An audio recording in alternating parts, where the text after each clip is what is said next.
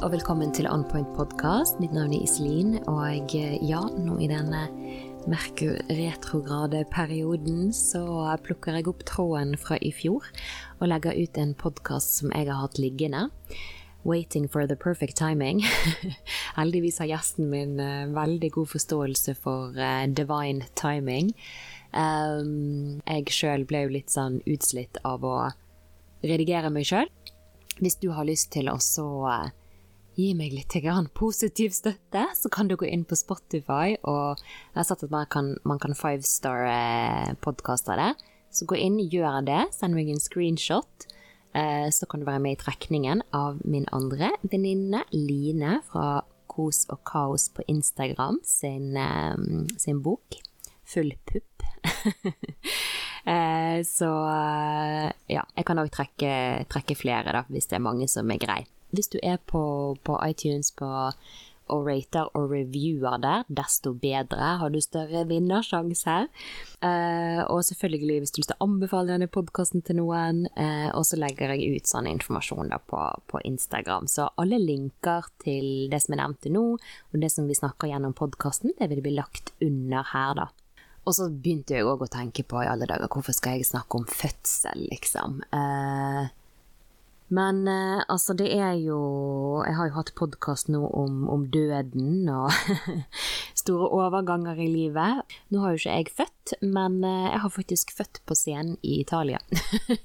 jeg startet en forestilling med å skrike ut i sånne her eh, rier. Herregud, alt man har gjort i livet. Hva har man altså ikke gjort? det, det var noe intenst, det. Eh, så jeg har jo evnen til å sette meg inn da, eh, i situasjoner. Og så tenker jeg uansett om man har tenkt til å få noen barn ned på jorden i dette livet eller ei, så tenker jeg vi, vi går alle, menn og kvinner, svanger hele tiden med ideer, med prosjekter vi har lyst til å sette ut i livet. Eh, og eh, ja, altså det, det, å føde denne podkasten her, det har ikke vært så enkelt. å fortsette å bare pushe ut eh, episoder etter episode. Så eh, jeg blir superglad hvis du gidder å eh, hjelpe meg litt, grann, da. Men i denne episoden så må jeg bare advare om at eh, det er jeg banner. Det er meg som banner, ikke hun her som, som forteller om fødselen sin, altså. Så, men det er en annen sånn smertefull ting som jeg da bruker noen eh, heftige gloser til. Så du, hvis du har noen små rundt deg, så kan du jo høre det på, på AirPod eller på høretelefoner. Så da er du advart om det.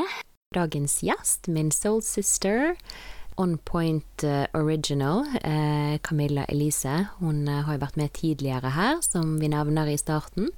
Så jeg skal linke til den episoden her òg, for den er jo òg relatert til det vi snakker om.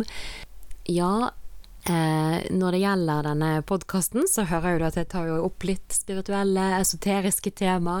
Jeg studerer jo òg esoterisk astrologi, og eh, når vi er inne på temaet babyer, så gir jeg faktisk Eh, et lite babyhoroskop. Hvis du har lite, et lite barn eller en liten baby, eller du har lyst til å gi det i gave til noen du kjenner, så kan du gå inn på min nettside og booke det.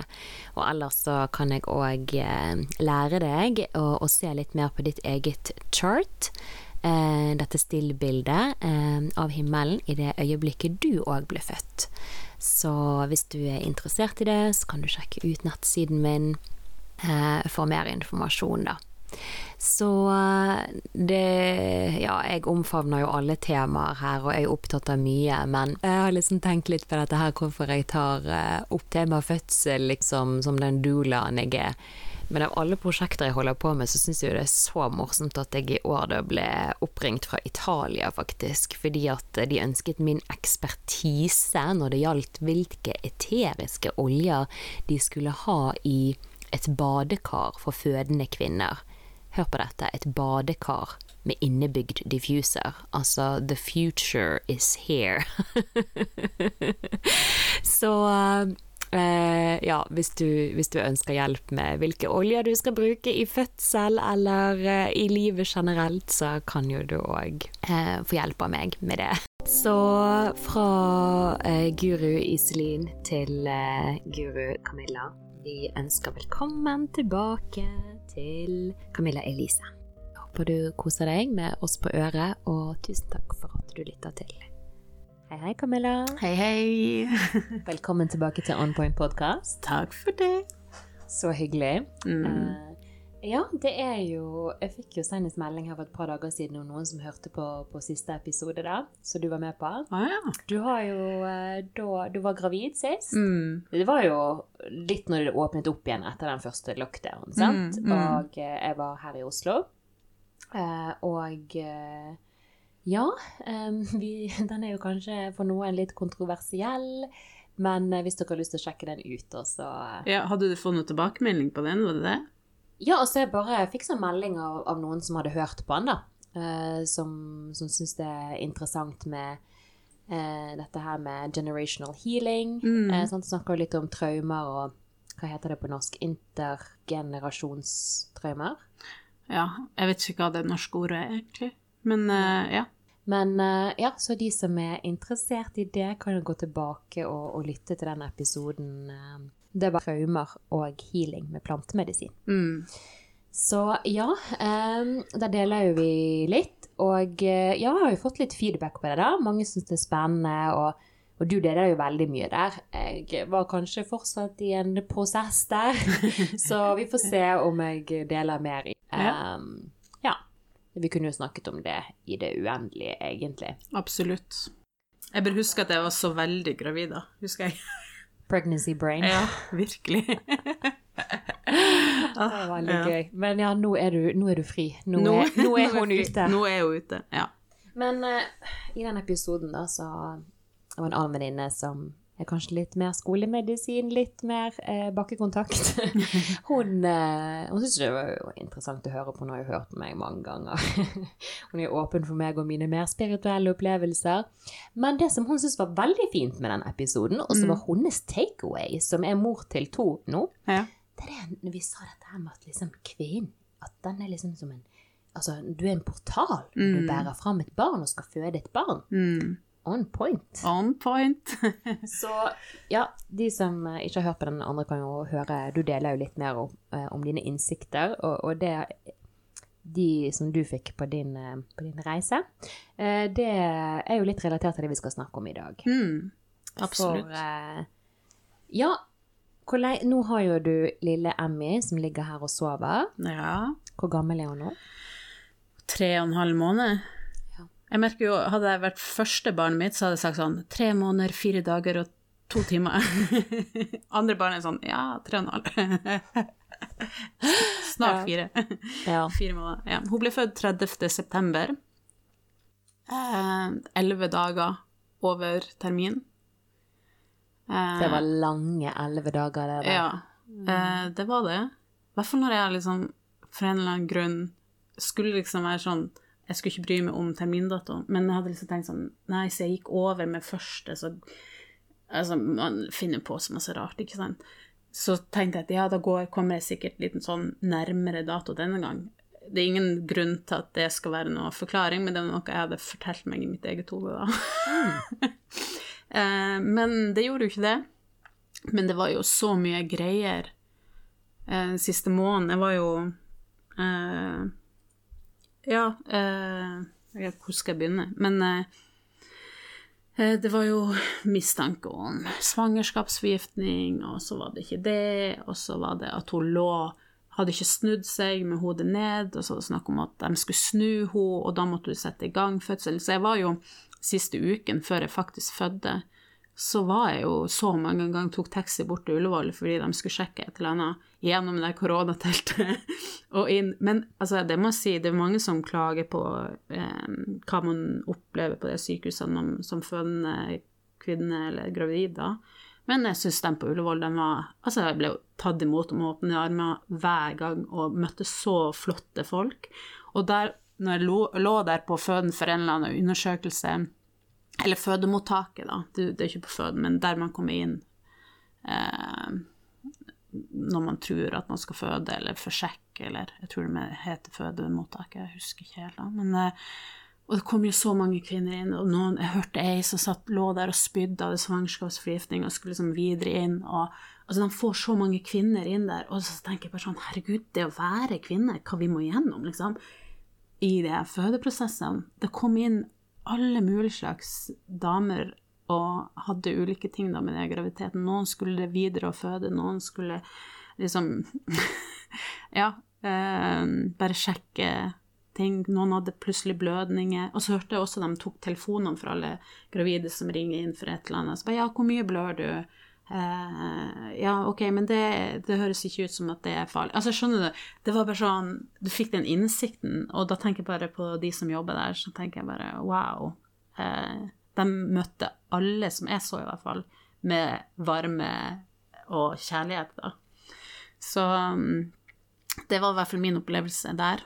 Mm. Um, men jo, så det var liksom siste måneden før hun faktisk kom, så trodde jeg jo at hun skulle komme så mange ganger. fordi det var så mye uh, greier.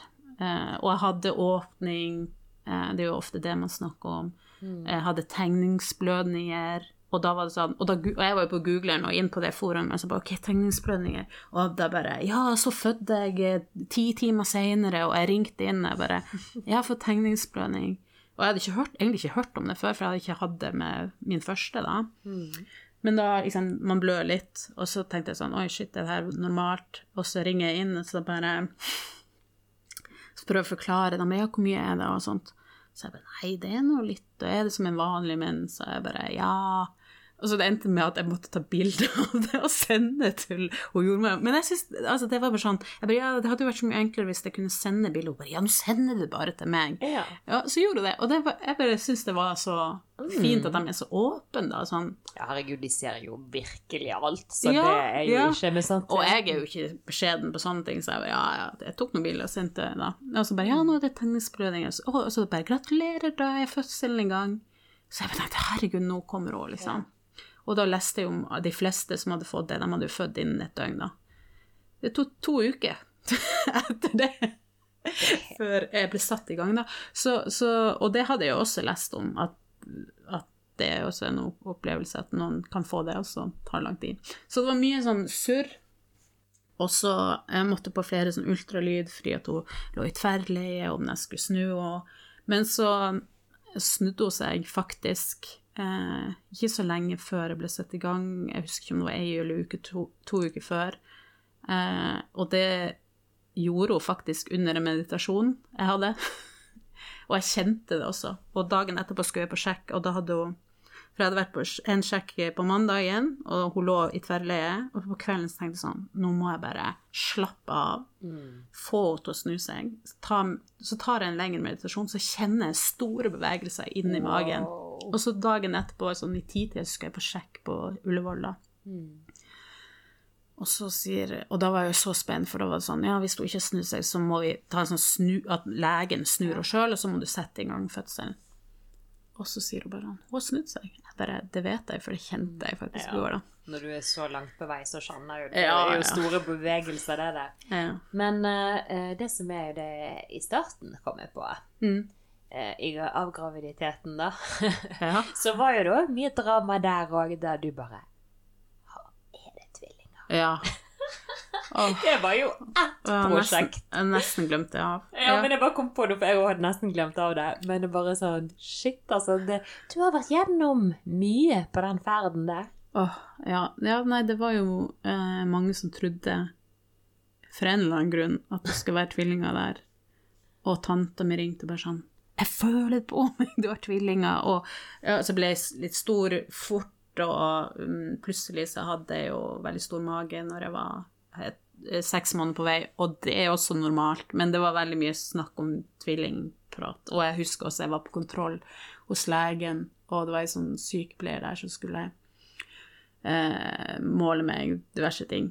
Og så hun bare du, 'Er du sikker på at du ikke har tvillinger?' Jeg bare 'Nå har jeg tatt ultralyd, det er én' unge. Og da begynte folk Nei, gjemmer, det gjemmer seg en bak der. Jeg bare Nei. Jeg er veldig ja, glad det var en. Det er sånne historier. Jeg har faktisk ja, hørt det, sant? At, at, de gjemmer seg bak også plutselig surprise twins. Mm. Um, og um, nå med dette her uh, Når vi spiller inn en podkast-episode om dette, så er det sånn surreal. Men egentlig ikke. For noen av mine favorittpodkaster de handler om fødsler. Og jeg som sjøl ikke da er, har født et barn, jeg er genuint opptatt av dette feltet. Ja, altså, det er jo det sjukeste en kvinne kan gjøre. Altså, jeg føler meg ekstremt heldig at jeg får lov til å føde to veldig friske jenter. Jeg hadde fine fødsler. Altså, det er jo Men nå er det jo seks års Altså, det er jo seks års forskjell eh, mellom min første og, Emmy, da. Eh, og for det om den var eh, ganske Den tok ikke lang tid, verken den første eller andre. Så var det to veldig forskjellige fødsler òg. Eh, også forskjellig Altså veldig forskjellig tidspunkt i livet mitt òg, selvfølgelig, og det merker jeg jo eh, veldig.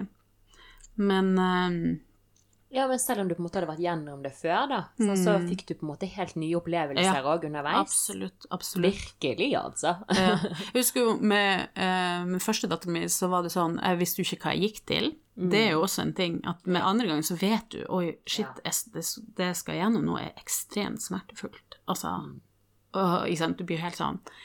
Um, og så gikk det jo ganske fort fra de tok vannet, for da ble jeg også satt i gang, var ni dager over. Fra de tok vannet, så kom hun ut etter fem timer. Eh, og det er ganske kjapp fødsel. Det er ikke noe styrt fødsel, men, men ganske Intens. Men du ble jo ikke Du ble bare tatt vannet på. Ja, du fikk ikke noen sånn eh, modnings... Nei. Altså sånn satt i gang-prosess, altså sånn med piller og sånt. Nei, det gjør jeg jo nå, Ja. men ikke med første.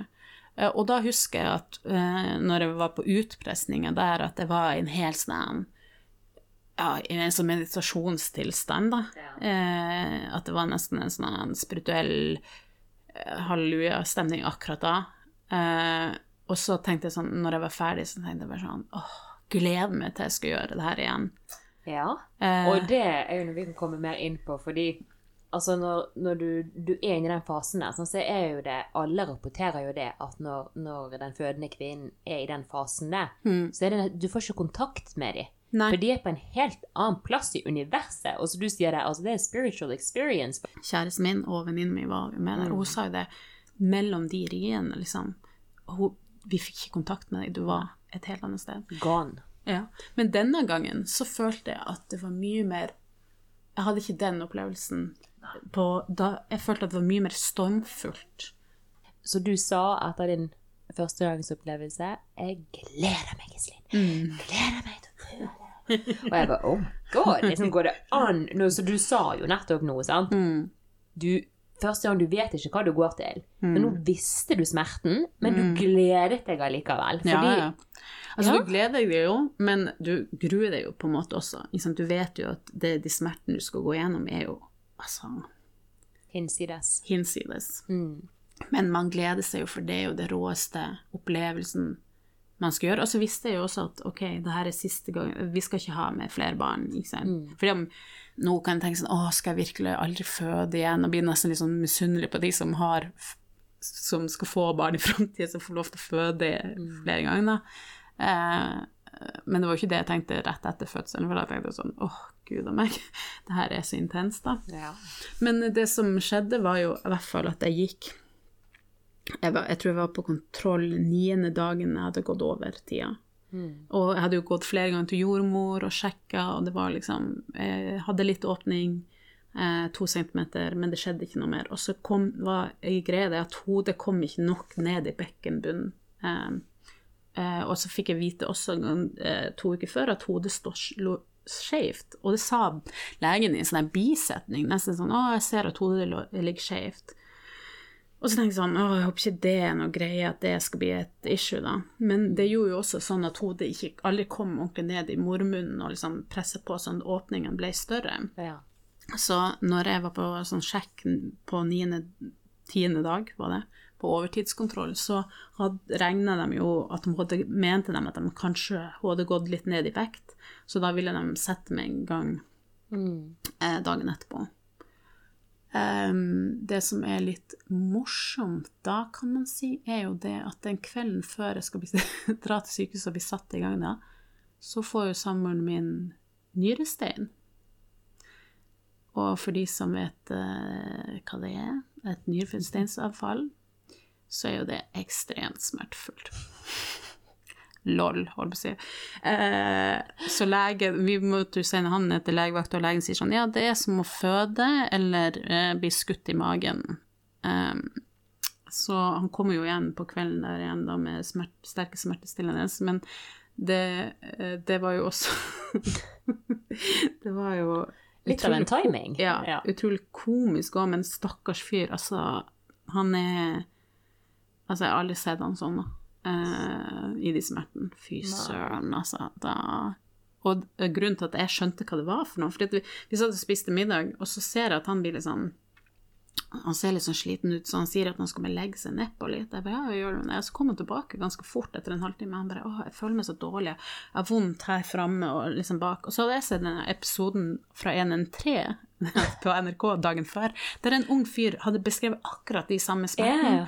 Og de hadde henta han, og han hadde liksom kasta opp, han var så dårlig, og så bare det var nyrestein. Og jeg bare Henrik, det her har jo jeg sett! Du har jo nyrestein! Ja. Han bare, og da, altså, da altså, han var liksom bøyd inn på badet der og bare Ja. Altså, han var helt likbleik. Og da ringte vi jo legevakta, da. Så han kom tok jo teksten ned dit. Og, ja, så det var jo litt sånn ok, du skal gjøre Det skjer da. Så dagen etterpå så får vi nå sendt uh, dattera vår til, eh, til søstera hans, og jeg drar nå på eh, på det her han eh, eh, mottaket, da, eh, som kvinner som skal bli satt i gang, da, drar. Eh, og der er det også kvinner som har for eksempel skal, som skal ha tvillinger eller eh, trillinger som en sånn risikosvangerskap. De er jo der i flere uker, ikke sant. Og på dette tidspunktet så har jo jeg vært så iso ikke isolert da inne, men på Ja. i, Altså, jeg har hatt så mye bekkenløsning, vært veldig andpusten og alt mulig sånne ting, så jeg har ikke beveid meg så veldig mye rundt omkring, og heller ikke vært så sosial. Og jeg er jo ekstremt ekstrovert person. Så når jeg kom på det her svangerskapsmottaket altså Nå husker jeg ikke navnene på de her stedene, men det mottaket man kommer på når man skal bli satt i gang så er jo jeg så utsulta av eh, sosial omgang. Så jeg kommer dit og møter ei fantastisk jordmor og bare skravler går, og jeg koser meg og blir kjent med mange andre altså, pasienter som er på samme rom som meg, og jeg får være med på sånn morkakeundersøkelse, og bare sånn Åh, jeg synes det var så deilig å komme på et nytt sted og bare tenke sånn Koste meg, fikk et sånn fint rom og spiste god mat og Så bra at du liksom klarte det på en måte, altså midt i liksom korona og med din, eh, din kjære der i, i store smerter, at du liksom klarte å på en måte glede deg over det på tross av hva du hadde i vente. da. Det sier litt om din, din evne òg til å på en måte stay present, tenker Ja, jeg. men, men det var jo sånn på morgenen der, når vi egentlig hadde en andre planer, så, så var det jo et tidspunkt der Herregud, skjer det her nå? For nå er han så dårlig. For dagen etterpå, når jeg skulle til sykehuset, var han så dårlig at han lå jo med smerte i Og hadde jo fått det en smertestillende, men lå med smerte i senga og bare Så tenkte jeg sånn, skjer det her? Så først så fikk jeg jo en liten sånn kriseøyeblikk og bare Men så bare tenkte jeg sånn Nei. Man ber jo på en måte om et lite mirakel. Det her må bare ordne seg. Og så fikk vi liksom eh, sendt dattera vår av gårde. Jeg tok taxi dit, og så med en gang jeg kom dit, ikke sant, så ble jo det mitt lille mirakel, for da møtte jeg Ja. alle de menneskene. Ble du distrahert av ja, de? og så ble jeg liksom, fikk snakka med dem, og hun jordmora hadde også opplevd at da hun ble født, så hadde faren hennes fått nyrestein akkurat når Altså, så, så det, ble jo sånn veldig det, det var jo litt eh, tilfeldig. For jeg tenker det kan ikke være så vanlig. En ting er hva det heter, de der symptom... Nei, eh, hva heter det, sånn compassion Ja, eh, sympatismerter, eller Ja, sympatigravid. Mm. Ja. Nei, og så eh, var jo planen da at jeg skulle bli satt i gang, og da blir eh, Og blir Og jeg husker at jeg ringte Henrik, og eh, Fordi han kunne ikke være med meg på, på det stedet. Det får man jo eh, før, når det ikke var korona, så får man også ha med mannen sin på, på den prosessen. Men jeg, jeg hadde det fint. Jeg, det gikk helt fint. Jeg hadde jo ikke noe spesielt behov for å ha han der akkurat da. Jeg koste meg jo sånn med alle de andre, fikk skravla. Og jeg fikk til og med anbefalt noe olje, sånn doTERRA-olje til en sykepleier som jobber der. For, å, det lukter så godt. Jeg bare, ja, det her er den oljen jeg bruker. Så, Ja, du var i ditt ass, altså. ja, absolutt. Så når Henrik ringte meg sånn, noen timer senere, så, bare, så begynte jeg å fortelle hva jeg hadde liksom gjort på timen. Han bare 'hæ? Har ikke du bare vært der et par timer?' Jeg bare 'ja, ja, men jeg har det så fint her'. Ja. et stort mirakel. det Ja, så for meg så var det veldig sånn fint å komme dit, da. Eh, og så Det var jo kanskje litt greit òg at uh, du ikke hadde med deg en mann, så du måtte liksom Altså ikke trøste han, da, men at han kanskje gjerne òg fikk ligge med sine egne smerter. Ja, altså han trengte jo å hvile med de smertene. Han hadde jo kanskje ikke liksom krefter helt til å på en måte støtte deg heller så mye, da. Nei. Stakkars, altså. Men ja, det, det gikk jo bra. Han er jo en veldig Ja, han, han tar det jo så bra også, samtidig. Uh, nei da, men i hvert fall så skulle jeg besettes i gang med sånn ballong, da. Ja. Uh, og det er jo at man setter en sånn ballong i Jeg vet ikke om det er mormunn, da, for å prøve liksom å strekke den ut, da. Mm. Uh, og så husker jeg at hun som lå ved siden av meg, hun hadde også fått det. Og så etter noen timer så hadde hennes falt ut, og da er det liksom sånn, da har du fått åpning nok. Mm. Så hun bare 'Jeg gikk på do, og den falt ut. Kanskje du skal gå på do og sjekke om din har falt ut?' Jeg bare 'Ja, det skal jeg gjøre'. Så jeg bare gikk på do og bare 'Nei, nei, det har ikke falt ut'. Eh, men eh, så jeg så jo hun ble jo sendt ble jo, Fikk jo ballongen etter meg og ble eh, sendt til føden mye før meg, da.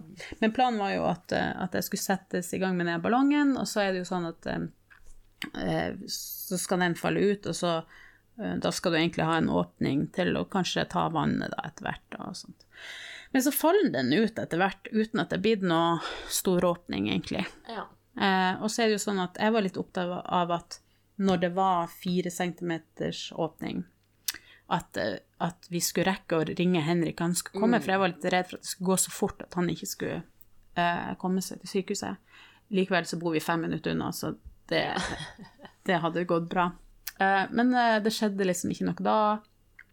Fortsatt ikke noe spesielt åpning, ikke noe fremgang, så de bestemmer seg da for at jeg skal begynne på den pillekuren, og det er jo egentlig å tvinge kroppen i gang i en fødsel. Så jeg tar vel eh, fem av de pillene, det er liksom maks åtte, da, så går det, tar du to Først tok jeg to, så venta jeg fire timer, så tok jeg én, for da hadde jeg fått litt mer muringer. Og så venta jeg fire timer, så tok jeg to.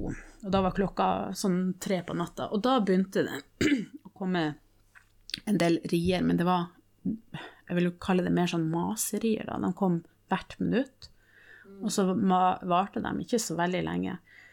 Men da brukte jeg sånn en hypno-breathing-teknikk som jeg hadde lært meg. Så de, de, de riene der, de var liksom sånn OK, håndterbare. Det gjør vondt, men jeg puster meg gjennom det.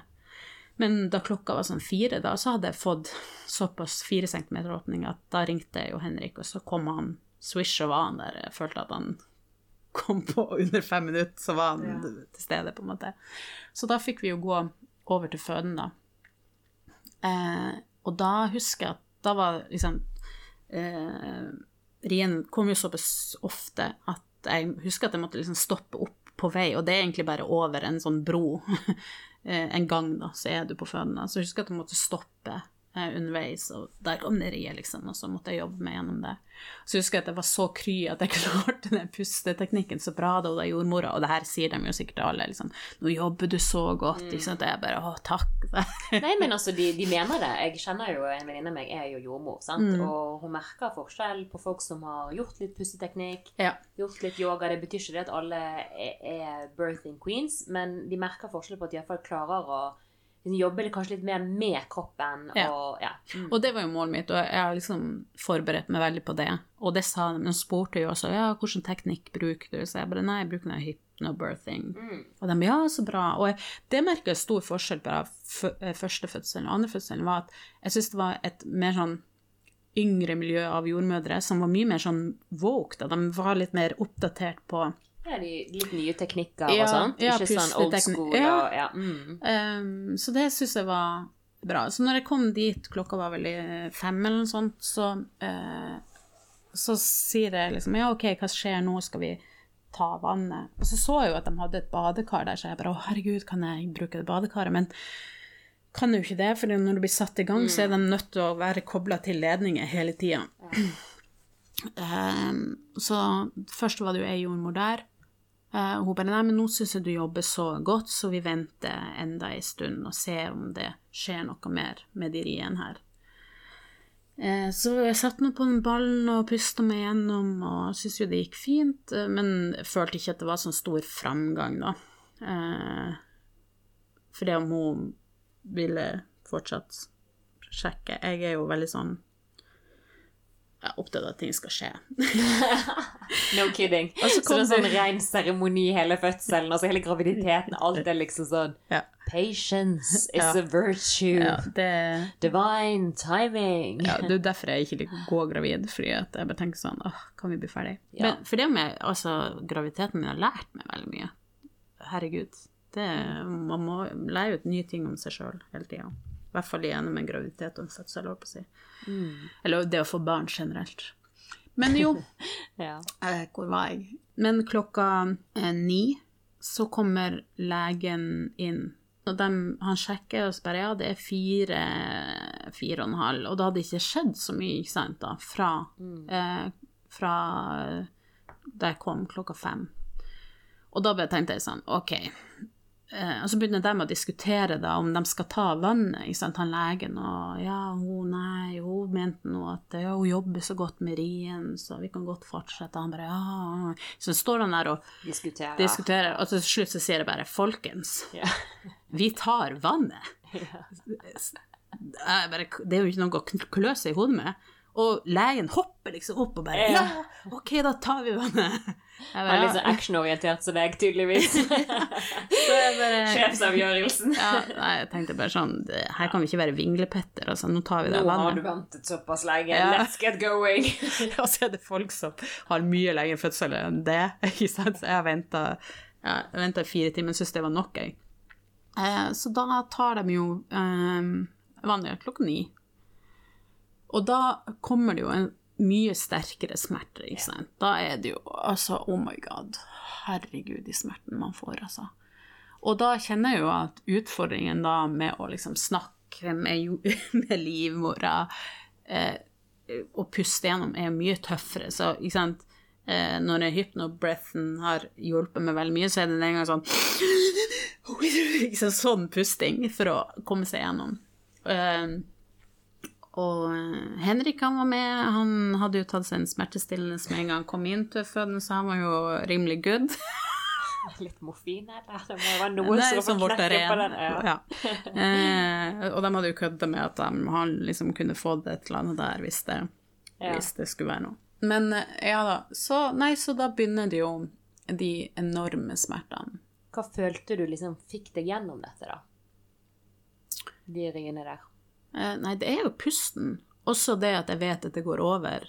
Eh, det pust... eh, altså, jo mer sånn mindfulness du har jobba med fra før av, jo mer eh, ting du rydder opp i innvendig eh, For det er jo på en måte Du må surrender to. Ja, sant? du må surrender. Det. Ja. Det, det, det, det, og det er det viktigste. Hvis noen eh, kjenner, spør sånn, har du noen råd til jeg skal føde snart, så sier jeg alltid ri på bølgen eh, og surrender. Altså, du må ikke kjempe imot kroppen.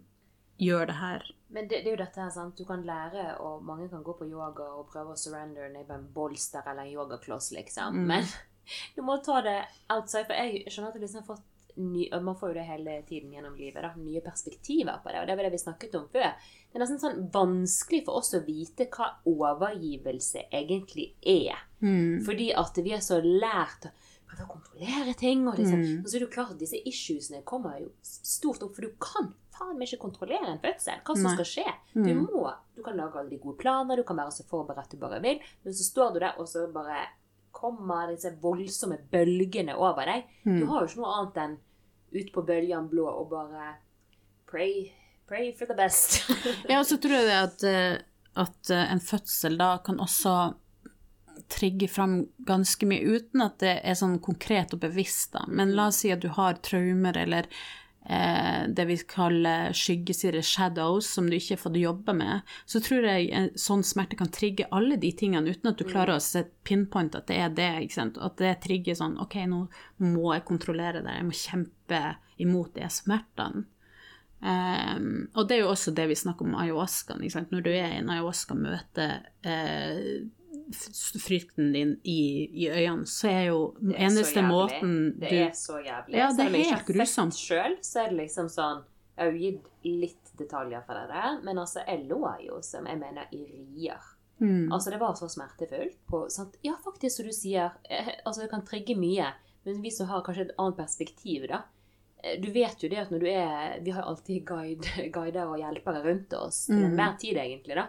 Men at når du er i en sånn prosess òg, altså slekt skal følge slekters gang Vi har litt lite bevissthet egentlig på hvor connected vi er til våre ancestors. Sant? I andre kulturer der er det sånn mer å be til the ancestors og Mm. hente på styrken for det er jo så mange kvinner som har født før deg, Mm. sant? og at de er på en måte med deg òg, da. Men på samme jeg sier i den andre episoden, på, på de smertene som disse kvinnene har vært gjennom òg, iallfall så jeg det veldig klart i min. Det var så mye traumer der som jeg er veldig glad jeg har ribbet opp i, før jeg eventuelt en dag skal føde.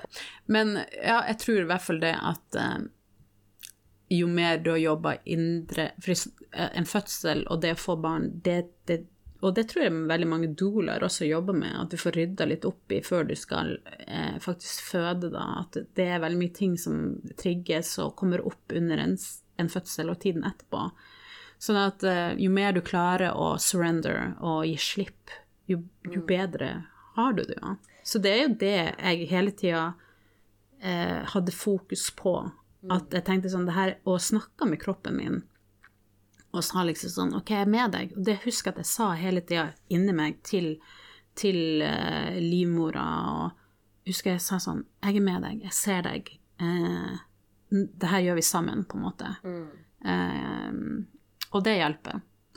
Ja, for du kan, altså, det er jo bevist sant, nå med forskning òg. Altså, liksom, jeg tror iallfall det. Mm. Altså, sant, og så bare jeg tror det er sånn Er det buddhistisk? Det er iallfall en eller annen sånn type eh, meditasjon. Der du skal liksom smile med levra. Altså, Ja. ja, vi vet jo dette på, på et kvantefysisk plan, så er det um, It's, it's possible. Mm. It's all in the mind. Ja, absolutt. Og jeg husker at uh, søsteren min hadde fortalt at hun eh, For Wim Hoff vet du, han bruker jo veldig de teknikkene med å snakke med kroppen. Hun sier Ja, det er jo han Iceman, for de som ikke kjenner han. ja, Ja. eh, check it out. Han er, ja. The king. Eh, men uh, hun, hun sa det at uh, når hun er ute og jobb, uh, jogger, da, at hun da bruker den mentaliteten at hun snakker med kroppen. Hun går inn og liksom er med kroppen, snakker til kroppen når det blir tungt, da. Og da, at det har på en måte revolusjonert hele måten hun, hun, hun jogger på. Mm. Eh, fordi at hun, hun er med kroppen, hun, hun oppmuntrer lårmusklene. Altså, skjønner du, å snakke med den istedenfor å være sånn i motstand, da. Kjempespennende. Ja, for jeg driver jo litt med, med dette helårsbading. sant? Og det er jo så fascinerende. The power of the mind. Selv om jeg ikke studerte i pusteteknikken, jeg har jo yoga og mindfulness med meg, men Mm. sant? det er jo av og til skikkelig smertefullt å gå ut der. Sant? Hvorfor Mm. gjør jeg dette her mot meg sjøl, liksom? Men du, du ser Altså, vi vet jo etter hva vi har vært gjennom òg, the power of our mind, og hvor sterk vi er eh, mentalt. Mm. Eh, og det er skikkelig mental trening, alt dette her. Sant? Mm. Altså med toppidrett og med i- isbading, eller hva man nå kaller det. Um, og ikke minst en fødsel. Det er, det er som et maraton. Mm. Triathlon. Hva heter det? Ironman. Altså, det er Iron Woman. Altså, disse mennene som løper rundt. Altså, Mm. det er en årlig convention som skjer mange ganger daglig over hele verden. Ja, ikke sant? Nei, men eh, så husker jeg at jeg, jeg jobba jo på den måten, men jeg husker jo at ok, nå er pusteteknikken det er, Jeg må, må virkelig konsentrere meg nå for å Ja. liksom få det til å, å funke. Og så skjer det jo så mye altså Plutselig på et tidspunkt blir jeg sånn sjukt varm. Altså, altså jeg blir så varm at jeg bare tenker sånn Opp med vinduene, bare opp med vinduene, jeg kledde av meg og bare sånn helt sånn Altså, det er så sårbart også, på en måte. Eller du føler jo at du viser hele deg. Du er nesten på sånn operasjonsbord. Altså, du er jo ikke det, du er i seng.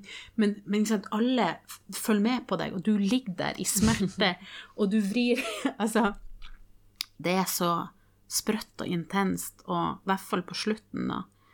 Jeg skal ikke hoppe dit ennå, men i hvert fall så eh, går det ei stund, og jeg merker at det er ikke noe De, de åpninger skjer ikke. Og så husker jeg at jeg Jo, først så Det var også rart. Når jeg var på det mottaket før jeg kom på føden, så fikk jeg sånn på natta en følelse inni meg at på et eller annet tidspunkt i denne fødselen her, så kommer jeg til å, å skrike av smerte. Oi. Og så husker jeg at jeg tenkte sånn Nei, herregud, jeg må ikke tenke det. Men jeg, det var et eller annet som sa det på et eller annet tidspunkt. Og så hadde han fortalt meg om et sånn eh, eh, smertelindring som heter vepsestikk, da. Eh, som er sånn at de skyter eh, sterilisert vann under huden, sånn fire stikk. Eh, og så skal du få en smerte av det, og så skal det liksom lure hjernen din til å ikke fokusere på eh, riesmertene. Um, men det er ikke alltid det funker. Noen funker det på, og andre funker det ikke på. Og så kom det på et tidspunkt der jeg følte sånn Ok, nå vil jeg prøve denne her um, smertelindringa. For jeg visste jo også at for at jeg skal få noe prosess her Altså, skjønner du, jeg er ganske utålmodig, jeg vil få ting skal skje.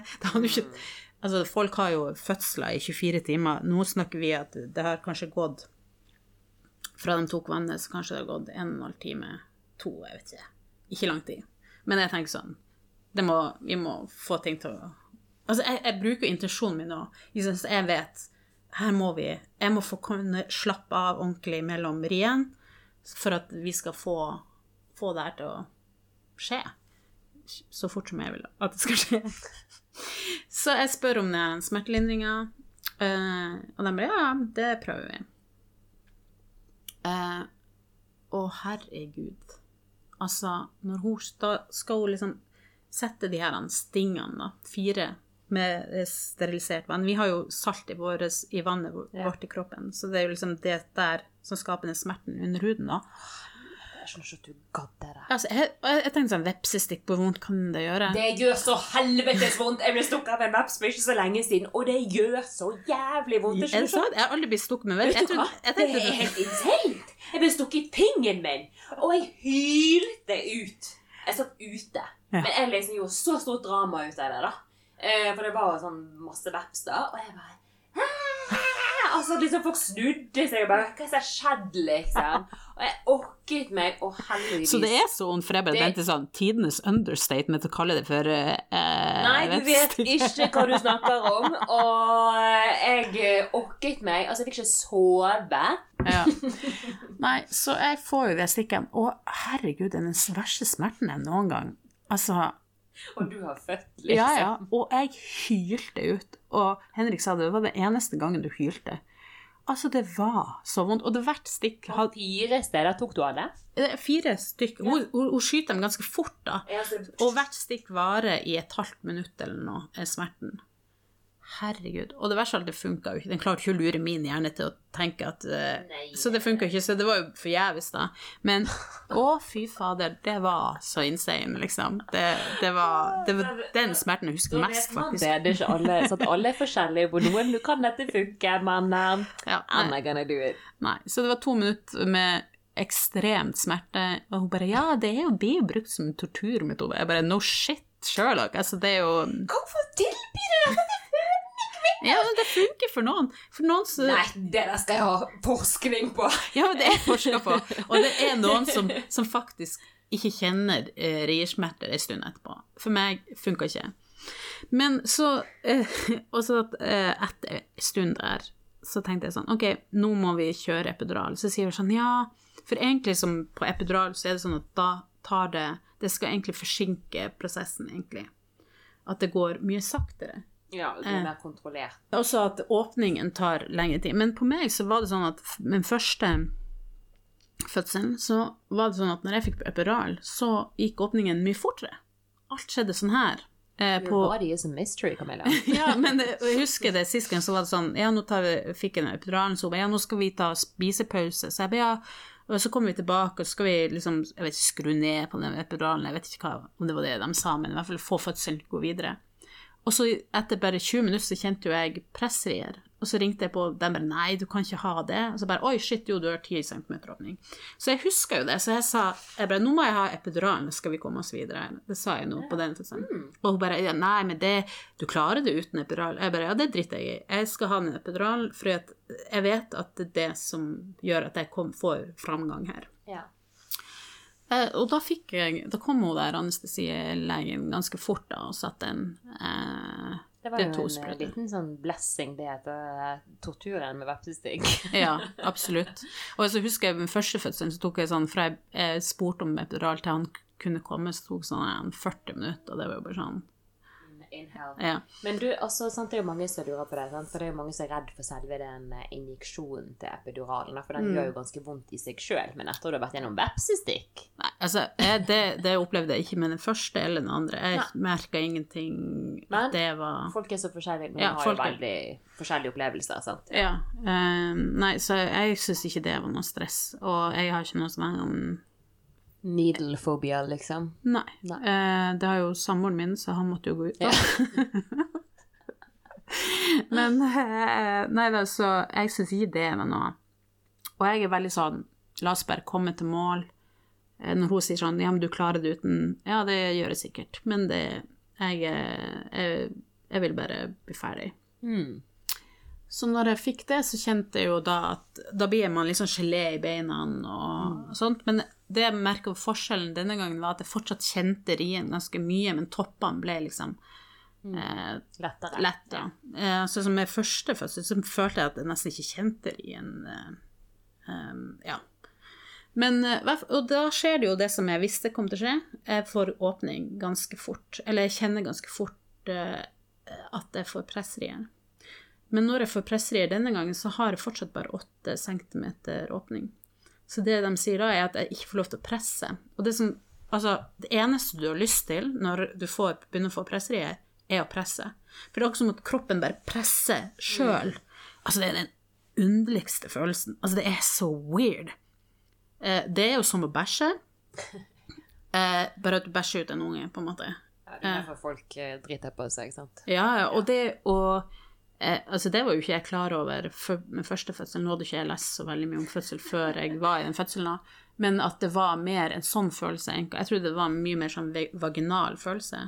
Men nei, det er det ikke. Du, du, det er mer en fødsel, altså, følelse av at du bæsjer ut en unge, da. Eh, så da får jeg jo det her pressetrangen, og de bare 'Nå kan du ikke presse, du har bare 8 centimeter'. Og da, liksom bare, og da måtte jeg puste meg gjennom de, de presseriene uten å presse. Og det som skjer Men så gikk det ganske fort til 10 cm åpning. Og da følte jeg, når, når de her presseriene kom, da følte jeg ekstremt at jeg var i en storm. Stormfullt hav med vind imot meg. Eh, men så begynner jeg å presse da når jeg kan, eh, på 10 cm åpning. Eh, men så ser de jo etter hvert at ho, hodet står skjevt. Mm. men de sa jo du er jo såpass sterk da, at når du først pusher, så Klarer du å klarer du å eh, Det skjer noe. Så det tok ikke lang tid fra presserier til å komme ut, så var det bare en halvtime. Eh, men den Altså, de Altså, husker den stormen jeg følte inni meg Ja. når de presseriene kom, og du presser Og husker at jeg kleip Henrik rundt armen. Ikke sant? Ja. Alt jeg kunne. Og så på et tidspunkt tenkte jeg sånn Å, herregud, jeg har så lyst til å bite han i armen. Og, og jeg tenkte at det kan jeg jo faktisk ikke gjøre, det er jo sykt vondt, stakkars mann. Eh, men det fins jo kvinner som faktisk har gjort det, da. Men husk at jeg fikk sånn enorm trang. Jeg bare sånn, Det gjør så vondt, og det er bare sånn Bet du ikke bare en pute eller et håndkle, liksom? Nei, ikke da. Altså, Du, det, det ville ikke satisfied you. ting skjer fort også. Ja, ja. Eh, men det er bare sånn, du bare venter på Å nei, nå kommer det. Og inni meg så følte jeg at jeg brølte ut på hver pressing.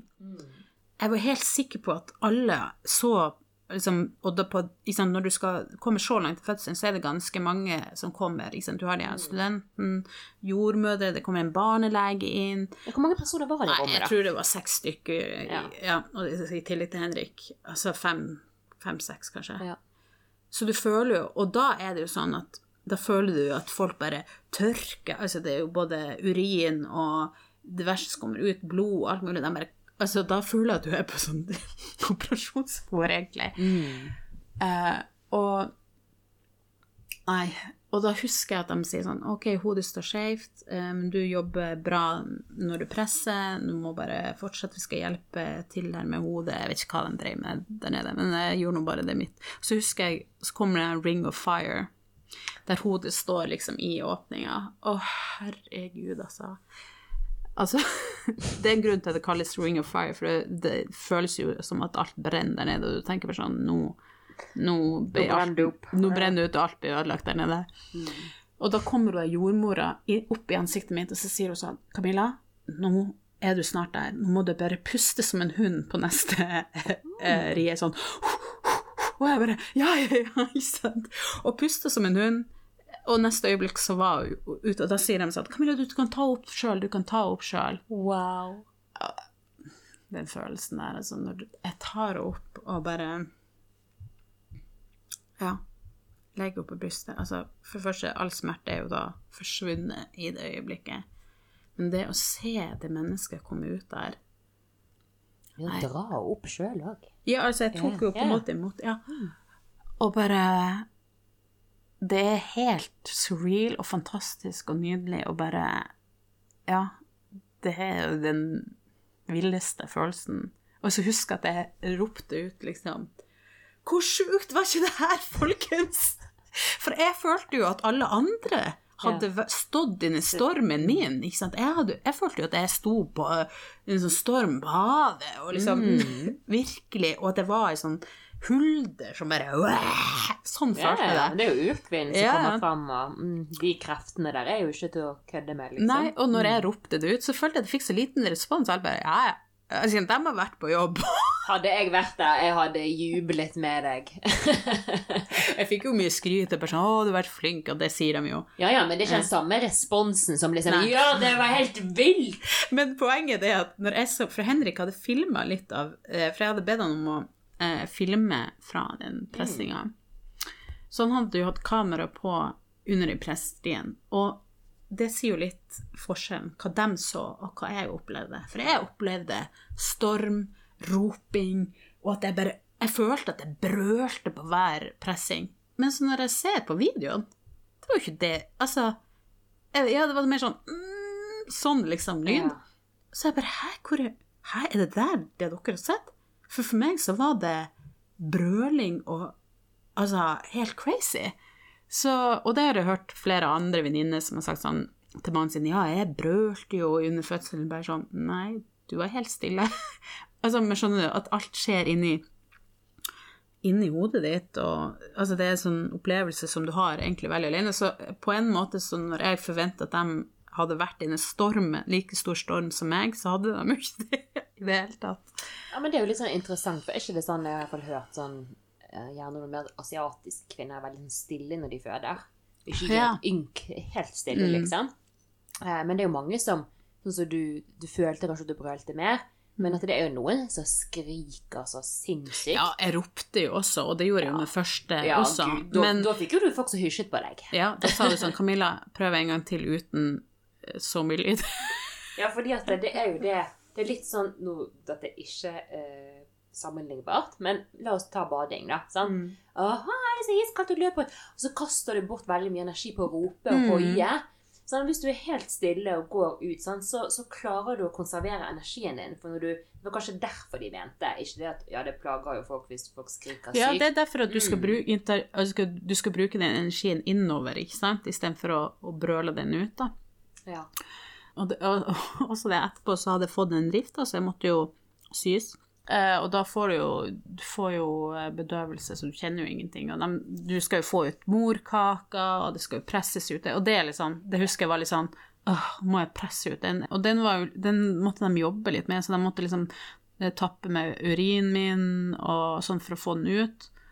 Eh, og da eh, Ja, da, det er så, du er så lite motivert til å presse ut den der. Men det, du, det skjer jo, liksom. Det gikk fint, det. Men når jeg så skulle sy, så var det hun jordmorstudenten som skulle ha opplæring i sy på det. Så hun brukte så lang tid, da. Jeg, jeg tror hun ble litt sånn stressa av det også, for på et tidspunkt så begynte jeg jo ikke Ja, de hadde jo lagt beina mine opp i sånn gynekologstol. Klikker. Ja.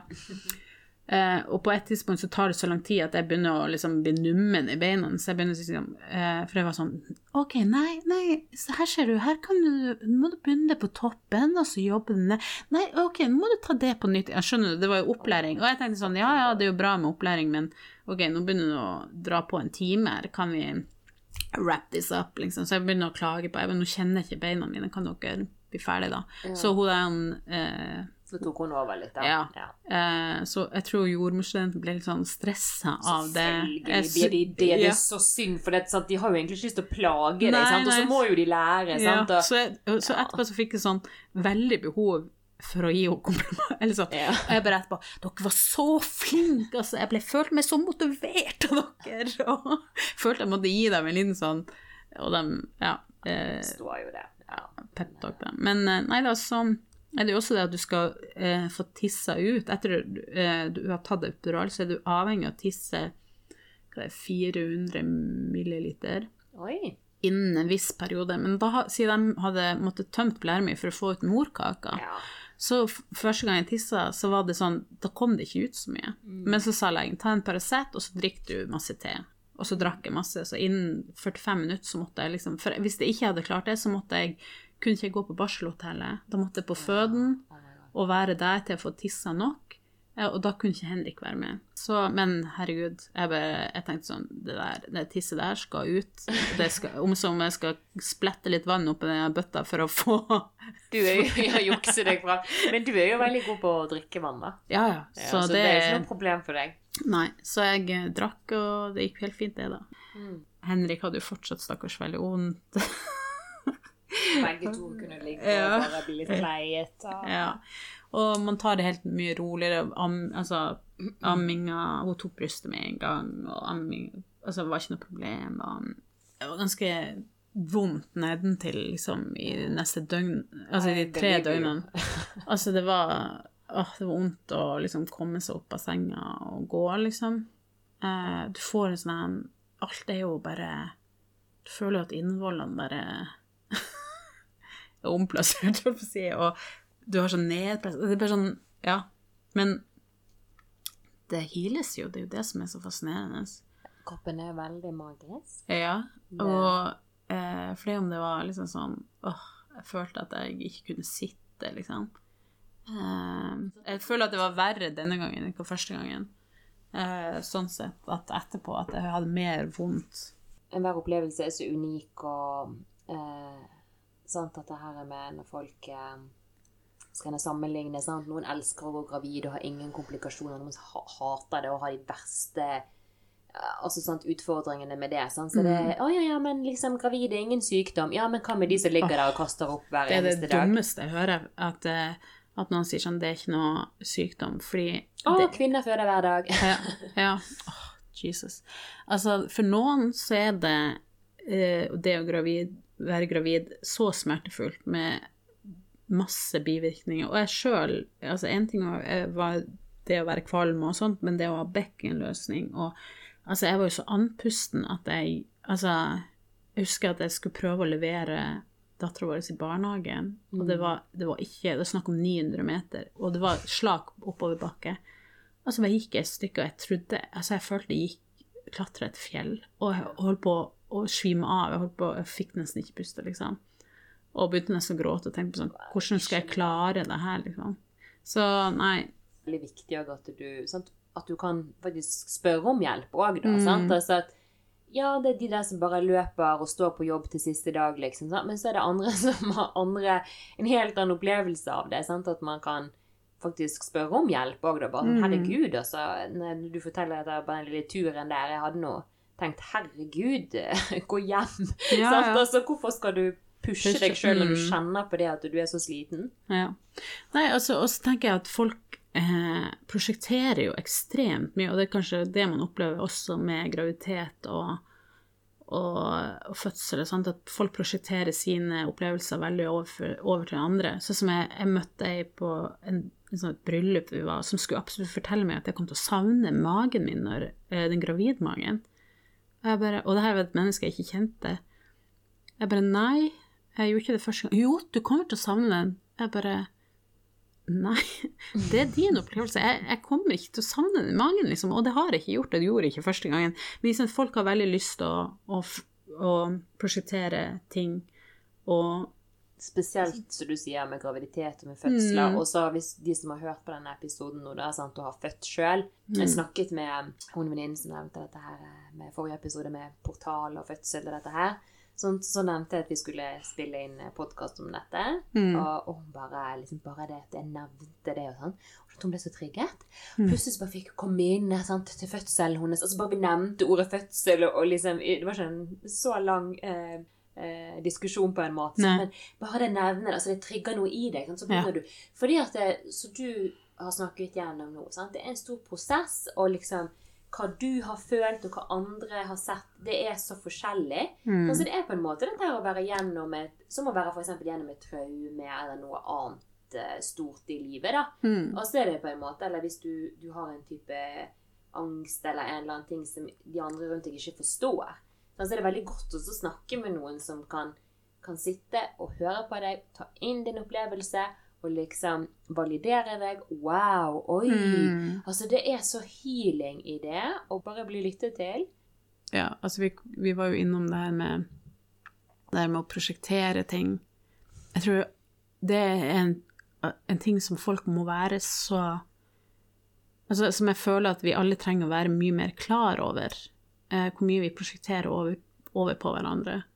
Og så, som oftest så er det jo egentlig kvaliteter som du egentlig skulle ønske at du hadde sjøl, eller eh, kvaliteter som du har i deg sjøl som du ikke aksepterer. Jeg tror at det er jo det viktigste arbeidet man gjør nå. Og det, er det jeg mener at, at eh, for å mestre f.eks. En, en fødsel, eller klare å gi slipp på ting, da. Hvis du rydder opp litt i det, dine shadows, eller skyggesider, da.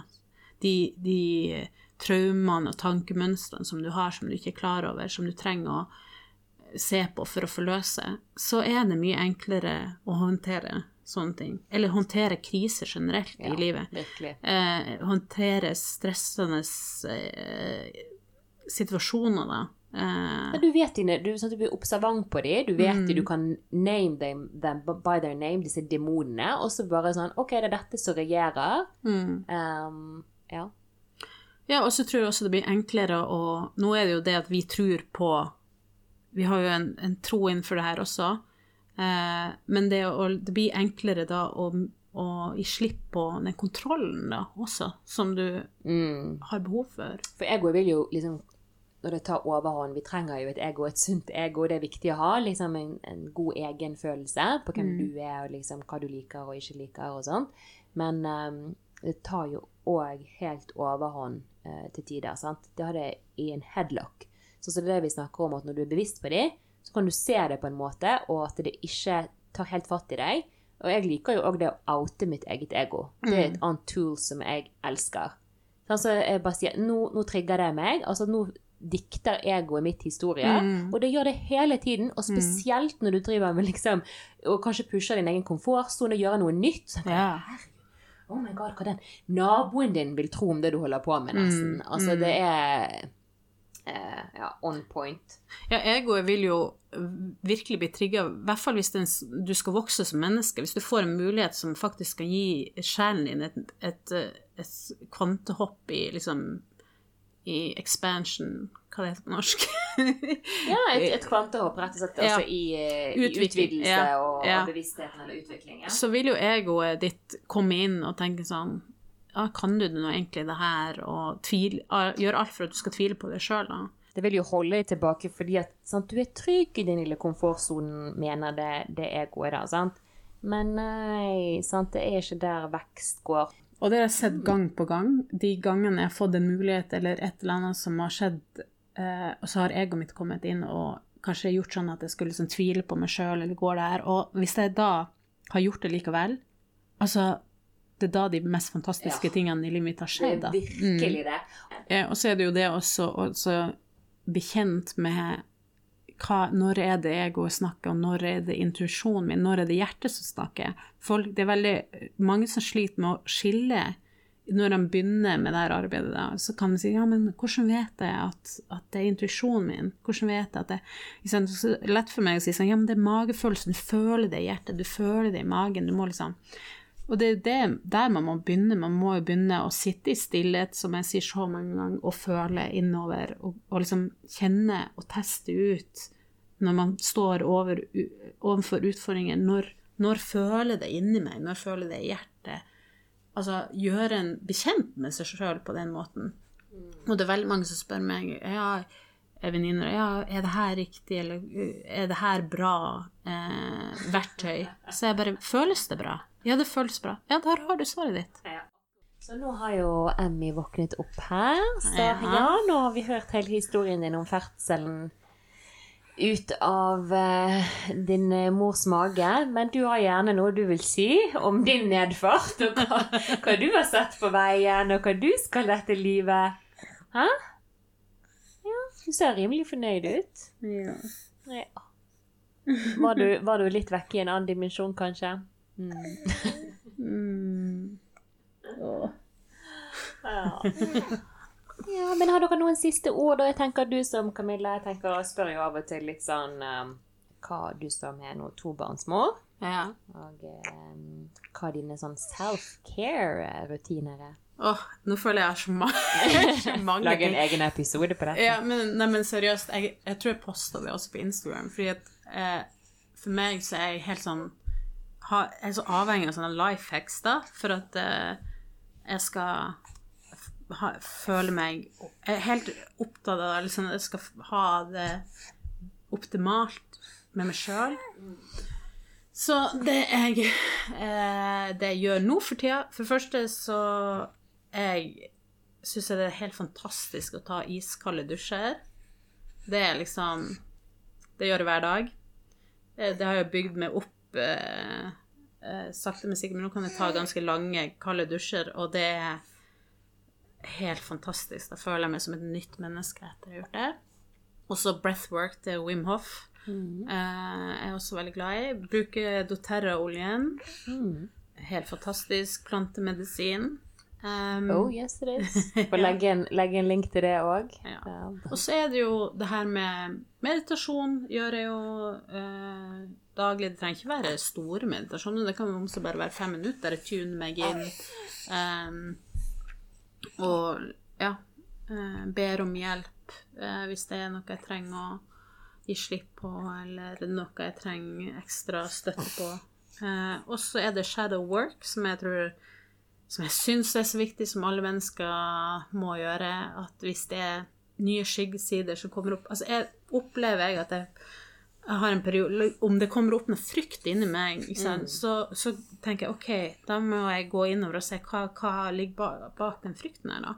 Eh, så, men jeg prøver, jeg merker jo at etter fødselen er jo veldig sånn og gira på å komme i gang og gjøre masse ting i permisjon. Jeg har jo veldig mye energi. Eh, og så på et tidspunkt så tenkte jeg å herregud, nå, nå er jeg veldig sånn litt for ambisiøs og har lyst til å gjøre litt for mye og får begynne å tenke mer på de tingene jeg burde gjøre, enn å faktisk liksom være i flyten. Så da måtte jeg ta en sånn runde med meg sjøl eh, og si det viktigste er å være flow. Så hvis jeg ikke får gjort alt, så kjenner jeg jo det at hvis jeg får gjort noe, så føler jeg meg jo bra. Det viktigste er jo bare at du føler deg, har det godt inni deg der og da. Det er ikke så viktig hva du gjør. Nei, vi må alltid min, min, minnes på det. Og så finner man nye ting og Ja. Ja, nye verktøy. Eh, men jeg er i hvert fall veldig dille på kalde dusjer og breathwork. Og oljen er liksom mine Go Topp- to. ja. Topp. eh, top tre. Men eh, jeg tenker, er det noen eh, Noe eller noen som inspirerer deg? Spesielt for tiden? Um, ja, altså, faktisk så fant jeg jo ei som jeg ble ganske inspirert av. Og hun minner meg veldig om deg. Altså, jeg blir jo veldig inspirert av deg, Iselin. Altså, I'm blushing so much. You should see me right now. Men eh, jeg blir jo eh, Ja, det var ei Jeg tror hun er en modell, men hun er sånn 60 år gammel dame. Og fransk. Og ble veldig inspirert av henne. Det er ikke sånn at alt hun gjør, er inspirerende, men for meg så, så jeg noen videoer av henne der hun prater veldig mye om det der med å være mild med seg sjøl, da. Og jeg har jo veldig mye sånn maskuline trekk i at jeg skal kjøre på, og har veldig sånn drive, og det å gjøre ting rolig tempo, det har vært vanskelig for meg, eller være mild og gjøre ting på en gentle way, da, gentleness. Så det har jeg eh, Og det føler jeg jo at du er veldig flink til, og også hun, når jeg så videoen til her ah, hun heter Jessemaya? Hun heter Sånn Veldig- Beskrivelig navn. Ja. kan linke det under her Ja. i episodebeskrivelsen. Eh, og hun bare, måten hun snakker om hvordan hun For hun får jo veldig mange spørsmål om hvordan hun tar vare på seg sjøl. Både fysisk og Ja, for hun holder jo seg veldig bra, ja, sant? Ja, ja, så det er jo det folk er opptatt av. Men det som er veldig bra, er jo at hun har en sunn approach til det. Mm. At hun ikke har noen sånne fanatiske greier. Hun bare jeg, Hun har den flyten, da, og har opptatt av self-care. Og liksom gjøre det på en gentle way. Så hun har inspirert meg der. Eh, Hun, skrev, hun sendte jo deg til og med voice Ja, message. sendte Fortell om det, da. Jo, for jeg sendte melding og så sa det til henne. Jeg var litt sånn inspirert til sånn Du, nå blir jeg så inspirert til å eh, heale meg sjøl etter fødselen, da, på en mye mer sånn gentle way, eh, istedenfor å liksom kjøre på, på en måte, og ha fokus på self-care på en mild måte. Og da fikk jeg en sånn kjempefin sånn voice eh, message fra henne, der hun liksom bare og en fransk, herlig fransk eksamen som var sånn Yes, uh, Camille Good luck with your healing and uh, Altså, det var så nydelig! Oh, så Have a nice year! Nydelig dame. Merci, Så- merci beaucoup. Så hun er Jeg tror at eh, det som Det er kanskje fordi at jeg trenger det mer inn i livet mitt, den feminine, myke siden. At det, de som har det i seg, inspirerer meg om dagen. Fordi at eh, det er sider av meg sjøl som jeg har lyst til å få mer integrere og få mer tilbake. Da. Softness, det er strength, altså. Det er det. Og eh, jeg syns jo det er veldig on point, det du sier der, fordi at det er liksom så mange som liksom Å, du skal motivere deg til å trene. Liksom det, Alt er liksom For det meste er motivert av at du skal liksom forbedre deg hele Mm, tiden. sant? At du ikke er god nok. Ja. Ja, ja. Og liksom, jeg skal gå på den dietten og detoxen og liksom, Alt skal være så ekstremt. Men liksom, hva med å finne en mellomting her? Altså, når ting Hvis den intensjonen din er på en måte altså Det er så game changer. Mm. Hvis du liksom elsker det, hvordan kan jeg elske meg sjøl mer, i stedet for å presse meg sjøl til å liksom Altså, vi er alle i endring hele tiden. Sånn, Kropper, altså gjennom livet. Men at vi kan Hvordan kan vi møte oss med mer compassion, som du sier? Medfølelse. Hvordan kan vi liksom endre Altså, det skifter alt. Ja, nei, men jeg er helt enig at det er noe som jeg utforsker veldig. At jeg har hatt en mentalitet veldig som jeg har lært meg da, at man skal pushe ting, at man skal kjøre på og eh, Ja. Og det er en så stor illusjon. Og vi hedrer det også litt i samfunnet at ja, man kjørte så, jobba så hardt for det, og også mange kvinner som er Ja, hun, hun gjør alt mulig, hun står på. Det er ikke noe sånn der medalje du får for det, liksom. Du får ingen medalje. Ingen, hvor er medaljen din? Så, Så, ja. ja, nei, gentleness, det, det er ordet mitt. Å, så fint! Mm. I love it. Nei, men tusen takk da til jentene Emmy og Camilla.